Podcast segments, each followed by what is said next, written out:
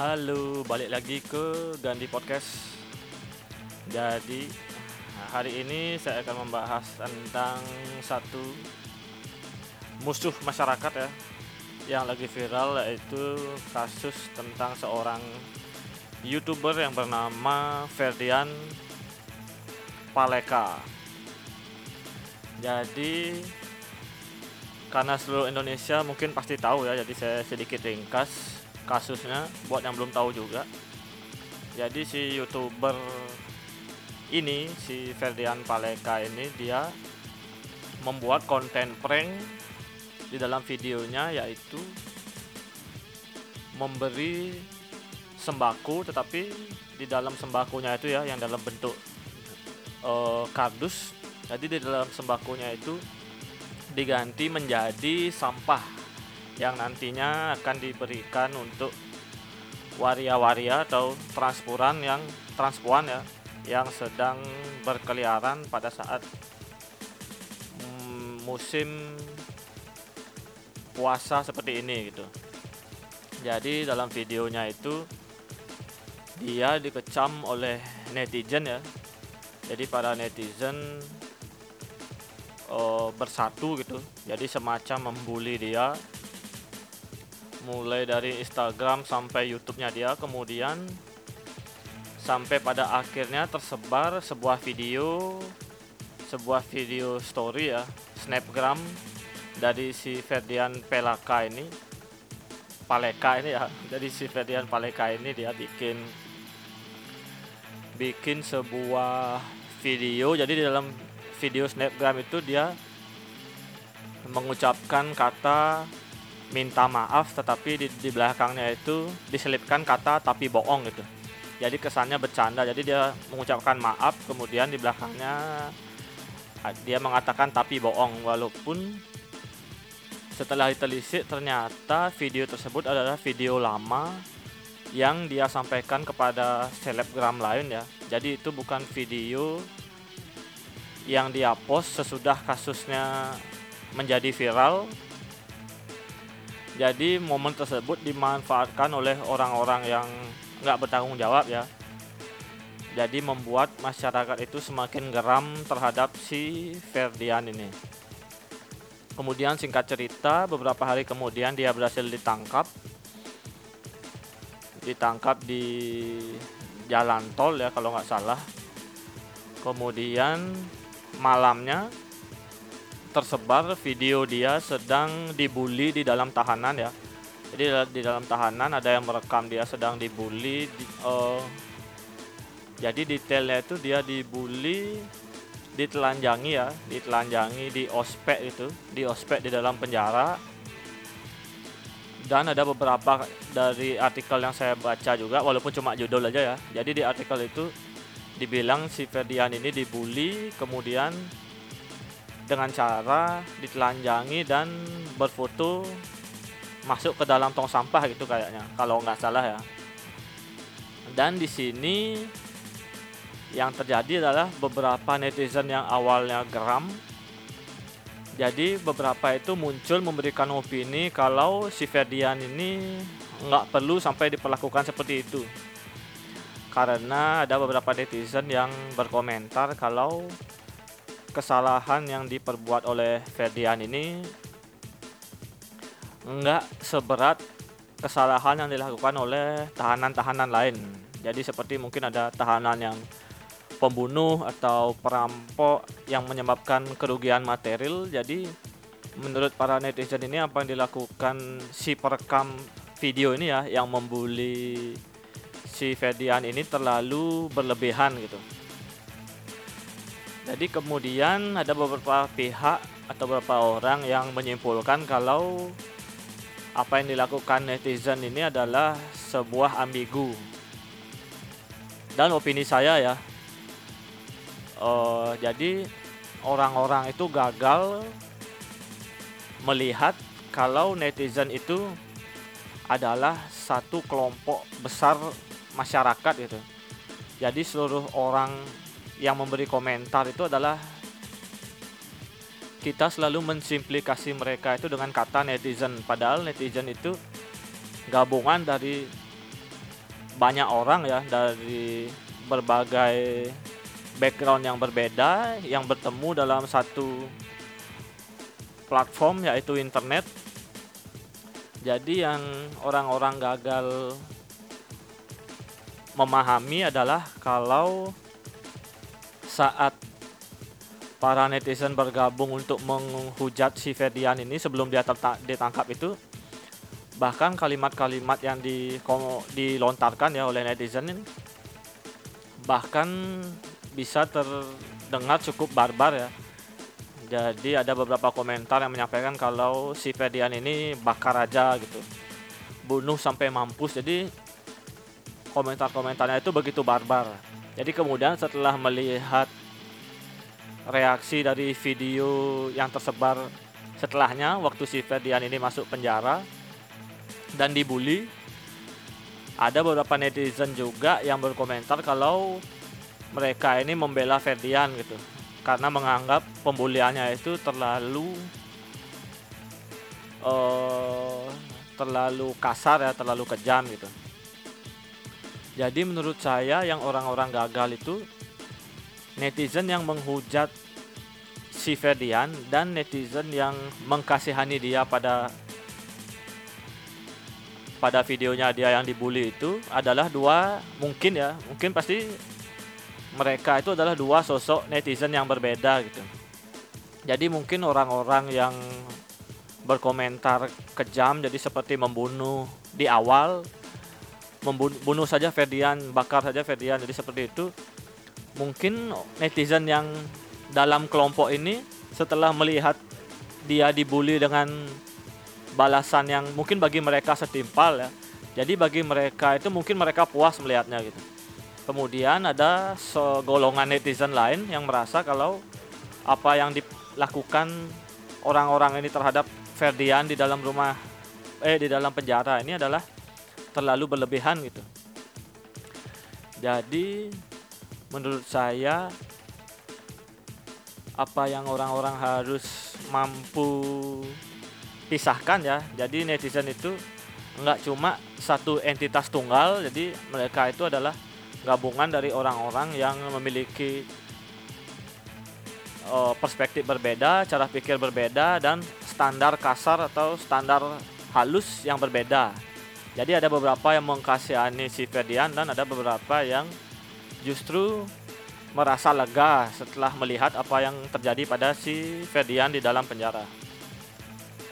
Kemudian kalau saya mau lihat ya bagaimana kondisi psikologi masyarakat kita, bagaimana proses penyebaran video ini ya, video si Ferdian ini sampai akhirnya viral di seluruh Indonesia.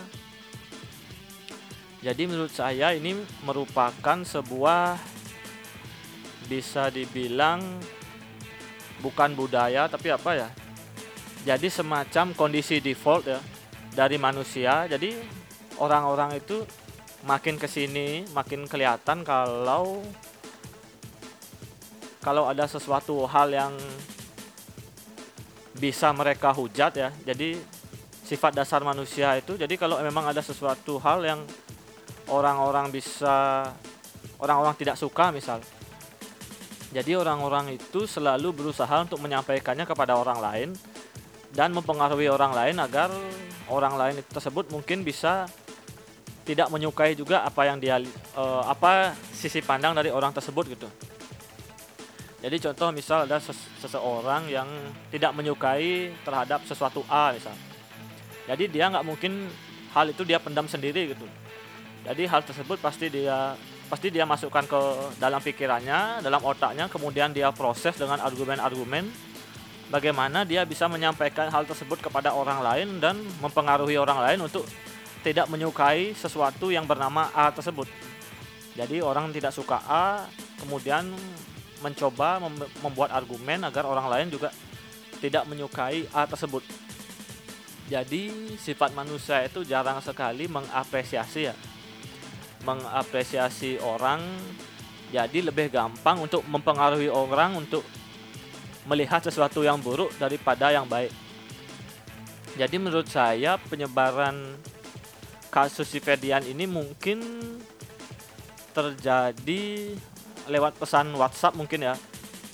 Jadi ada beberapa orang yang mengirim mungkin mengirim videonya di beberapa grup WhatsApp kemudian mengirim link linknya juga ke akun YouTube dan akun Instagramnya si Ferdian ini sampai menjadi berita yang benar-benar nasional ya, skala nasional. Jadi seluruh lapisan masyarakat Indonesia pasti tahu kasus si Ferdian ini kalau mereka melek sosial media ya. Karena penyebaran kasus ini enggak cuma dari pesan WhatsApp saja, jadi juga tersebar di beberapa kanal media lokal di Instagram. Jadi contohnya di Bali kan ada beberapa contoh akun bisa dibilang akun gosip ya mirip lambe turah gitu. Jadi di Bali di setiap kabupaten itu punya akun tersendiri gitu. Jadi akun ini bukan dibuat oleh pemerintah daerah setempat, pemerintah kabupaten setempat. Jadi dibuat oleh beberapa orang untuk menyampaikan info-info terupdate yang terjadi di kabupaten tersebut atau di berskala nasional atau internasional itu yang sedang viral. Jadi dari kanal-kanal media lokal tersebut mulai tersebar artikel-artikel ya yang menyudutkan si Ferdian dan beberapa video potongan video juga yang mengakibatkan banyak netizen turun berkomentar dan ikut membenci si Ferdian ini gitu. Jadi peran masyarakat ini termasuk mendukung ya. Apalagi berita-berita seperti ini yang benar-benar memancing traffic juga bagi akun-akun akun-akun media lokal ini ya. Jadi kan cara kerja akun-akun ini mereka mencari berita yang sensasional agar banyak traffic yang masuk agar bisa dijadikan ladang promote mungkin ya. Jadi media-media ini begitu gencar memberikan informasi di mana kira-kira informasi ini akan menjadi viral yang kemudian benar aja benar ya jadi informasi ini viral dan akhirnya seluruh lapisan masyarakat Indonesia mulai geram dengan tindakan si Ferdian Paleka ini dan hal ini juga bisa dibilang sebuah apa ya jadi masyarakat kita itu memang benar-benar senang mengomentari sesuatu hal yang buruk dan perlu diluruskan gitu. Jadi kita itu senang menjadi hakim dalam setiap perbuatan manusia kalau kita kalau saya mau simpulkan ya, saya mau memberi sedikit opini juga. Yang kebetulan kasus si Ferdian ini mungkin sebagian orang menganggapnya benar-benar salah ya. Jadi pas juga momennya ada berita si Ferdian Pelaka ini melakukan prank seperti itu kemudian masyarakat secara intuitif juga tidak suka dengan apa yang dia lakukan kemudian disempurnakan dengan media-media yang membesar-besarkan dengan cara menyebarluaskan. Jadi orang yang awalnya tidak tahu jadi tahu terhadap kasus ini dan ikut membenci atau meng mengkomentari kasus si Ferdian ini. Karena terpengaruh oleh psikologi ya, psikologi manusia yang gemar mengomentari sesuatu yang layak mereka hakimi gitu. Jadi hal ini itu bisa kita lihat dari hal-hal kecil juga ya. Jadi nggak cuma kasus Ferdian ini yang sudah menjadi skala nasional. Jadi dalam lingkup kehidupan sehari-hari juga kita nggak sadar kita melakukan ini gitu. Jadi kalau kita mau berusaha membuka membuka diri ya, kalau kita mau jujur pasti di saat kita ngumpul bersama teman-teman gitu, ngobrol apalagi teman ngobrol yang sama ya, yang hampir setiap hari kita ketemu karena mungkin kehabisan topik berbicara gitu. Jadi bisa kalau kita ketemu teman yang jarang ketemu kan pasti ada hal yang bisa dibahas gitu mungkin gimana kabarnya, apa kerjaannya sekarang kan gitu. Jadi ada beberapa topik yang bisa dibahas. Tapi kalau beberapa orang sering berkumpul dan mungkin bisa di dikasih contoh mungkin teman-teman kantor atau teman-teman di sekolah yang kita sering ketemu. Jadi topik pembicaraan itu mereka karena selalu bareng ya. Jadi pasti topik pembicaraan yang positif jadi yang tidak sampai ngobrolin orang itu pasti lama-lama mereka kehabisan topik gitu. Jadi akhirnya pada akhirnya yang mereka obrolin ya ngobrolin orang, ngobrolin kejelekan orang gitu. Jadi yang mau saya lihat itu dalam lingkup kecil kita secara tidak sadar atau tidak langsung emang sering ngobrolin orang, kejelekan orang yang berbeda dengan kita gitu. Kemudian lingkup besarnya yang terjadi pada si Ferdian Paleka ini. Jadi akibat obrolan-obrolan-obrolan akhirnya dari mulut ke mulut dari sosial media ke sosial media akhirnya semua orang jadi tahu dan si Ferdian Paleka ini menjadi benar-benar musuh masyarakat gitu. Yang sama juga terjadi dalam lingkup kecil ya di mana kita sering kali berkumpul dengan orang-orang yang pemikirannya bisa dibilang satu frekuensi dengan kita ya. Jadi kita merasa nyaman berbicara dengan orang yang satu frekuensi dengan kita yang pada akhirnya ujung-ujungnya itu kalau kita sudah berkumpul kita pasti ngomongin orang yang berbeda dari karakteristik masing-masing dari kita gitu. Dan itu selalu terjadi ya dan itu emang karakteristik manusia jadi secara alam bawah sadar mungkin jadi manusia itu merasa dirinya itu lebih baik dengan membicarakan orang yang dia nilai lebih buruk dari dia gitu.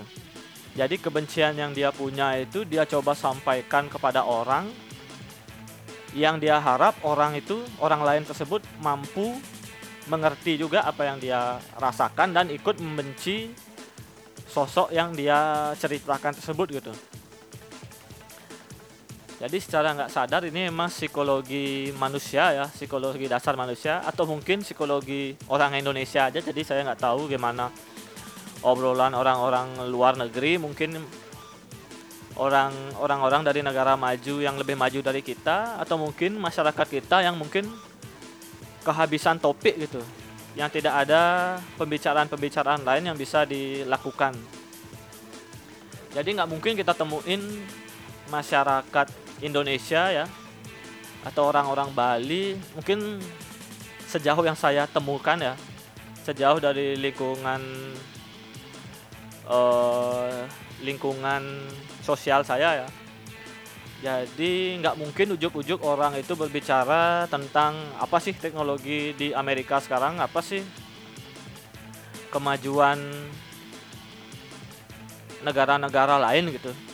Jadi yang orang selalu jadi bahan pembicaraan pasti adalah keburukan orang lain gitu.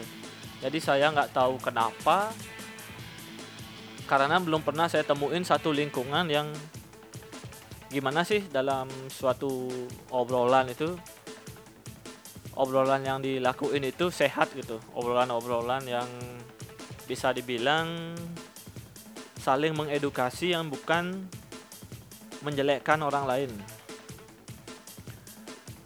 yang itu juga saya belum temukan ya dan cuma saya temukan di beberapa teman dekat saya yang saya merasa satu frekuensi dengan mereka.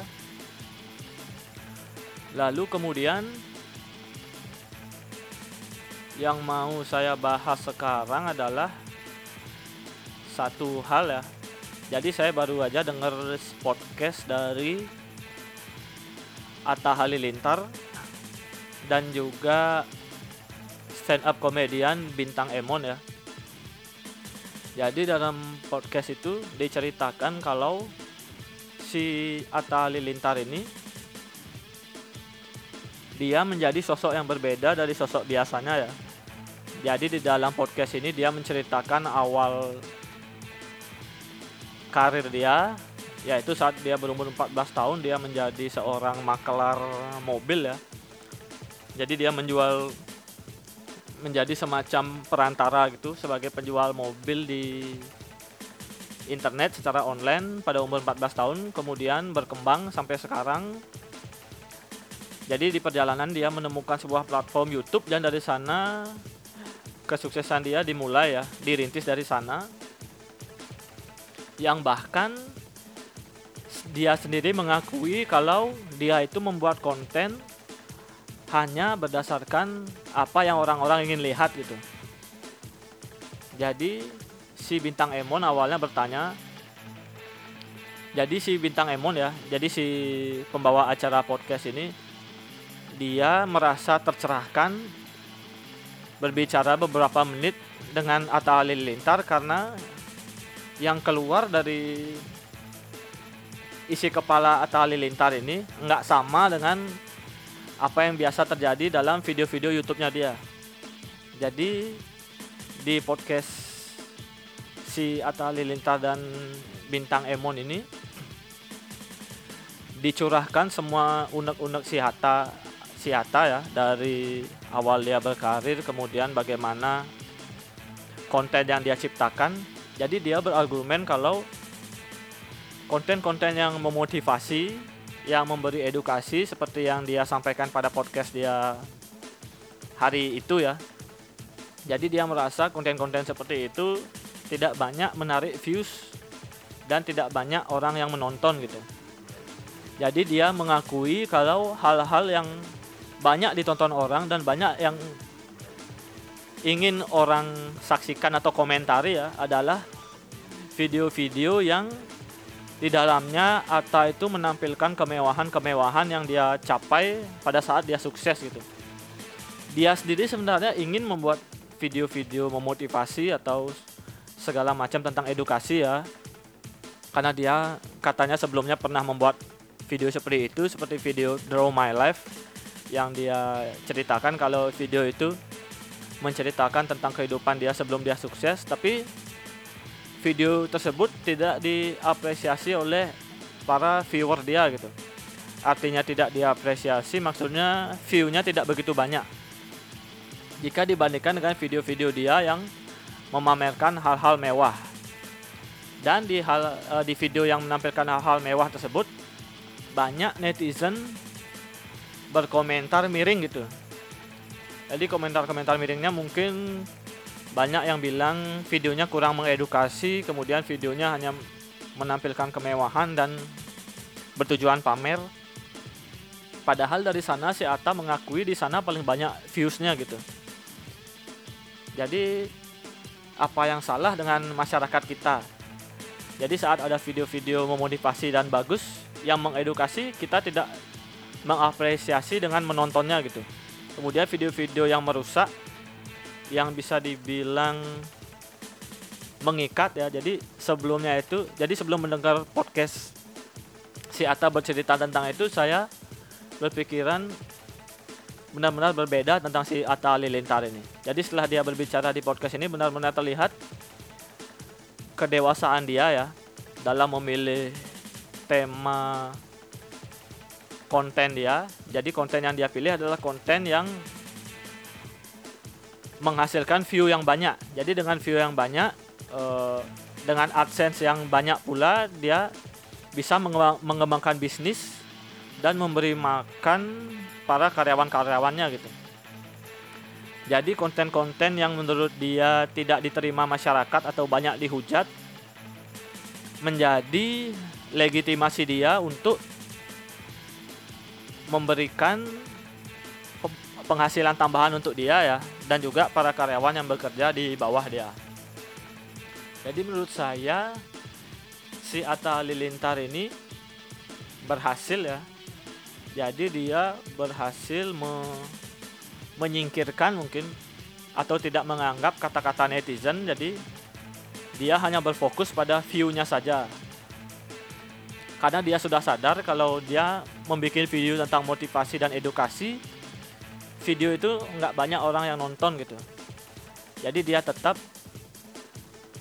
membuat video-video vlog yang di sana dia menjadi dirinya sendiri mungkin dengan menunjukkan kemewahannya seperti biasa. Tapi di dalamnya ternyata banyak viewsnya. Di sana banyak views kemudian banyak komentar juga banyak hujatan. Jadi dia mengamini video tersebut dan menganggap hal itu sah-sah saja gitu. Jadi bisa dibilang si Ata itu memanfaatkan ya psikologi masyarakat ya saya bahas di awal. Jadi psikologi masyarakat itu memang suka mencari video-video yang layak mereka hakimi. Jadi seperti Ferdian yang cepat viral, kemudian bagaimana kita kalau ngobrol dengan teman-teman selalu menjelekkan atau berbicara miring ya, berkomentar tentang orang lain. Dan si Atta ini melihat sebuah bisa dibilang opportunity ya atau kesempatan. Jadi dia membuat video mungkin yang mendatangkan orang untuk menghujat dia gitu. Dan dia benar-benar fine aja terhadap hal tersebut karena dalam hujatan-hujatan yang dia terima dalam videonya itu dia mendapat AdSense gitu. Jadi pemasukan dia tetap nambah tanpa harus menghiraukan apa komentar-komentar orang. Jadi dia manfaatkan benar psikologi manusia yang memiliki rasa haus untuk menghujat ya. Jadi dia terus saja bikin video gitu sehingga sampailah dia dengan subscriber kira-kira 20 jutaan ya sekarang kayaknya yang menjadi nomor satu di Asia Tenggara juga yang walaupun juga dia sempat meng membagi ya membagi channelnya itu membagi tema-temanya jadi dia membagi temanya ada tema otomotif kemudian kadang tema tentang keluarga kadang tema tentang prank dan yang dia sampaikan adalah view terbanyak adalah hal-hal yang bisa atau memberi kesempatan netizen untuk menghujat gitu. Jadi menurut saya yang dilakukan Hatta ini antara jenius atau menyerah kepada keadaan ya. Jadi dia sudah tahu keadaannya yang menghujat banyak mendapat view, jadi dia menjadi apa yang diinginkan masyarakat gitu. So mungkin komentar saya ya. Jadi ini komentar saya tentang si Ata aja. Mungkin bisa merubah pandangan kalian juga tentang si Atta Halilintar ini. Yang bisa kalian dengar sendiri mungkin podcastnya ya. Di podcast Smart Friend Ngabuburit kalau nggak salah episode pertama. Jadi kalian bisa dengar sendiri di sana podcast tentang si Atta Halilintar dan Bintang Emon dan kalian mungkin bisa beri komentar sendiri ya so sekian dulu podcast saya hari ini saya Gandhi dari Bali sampai jumpa di podcast selanjutnya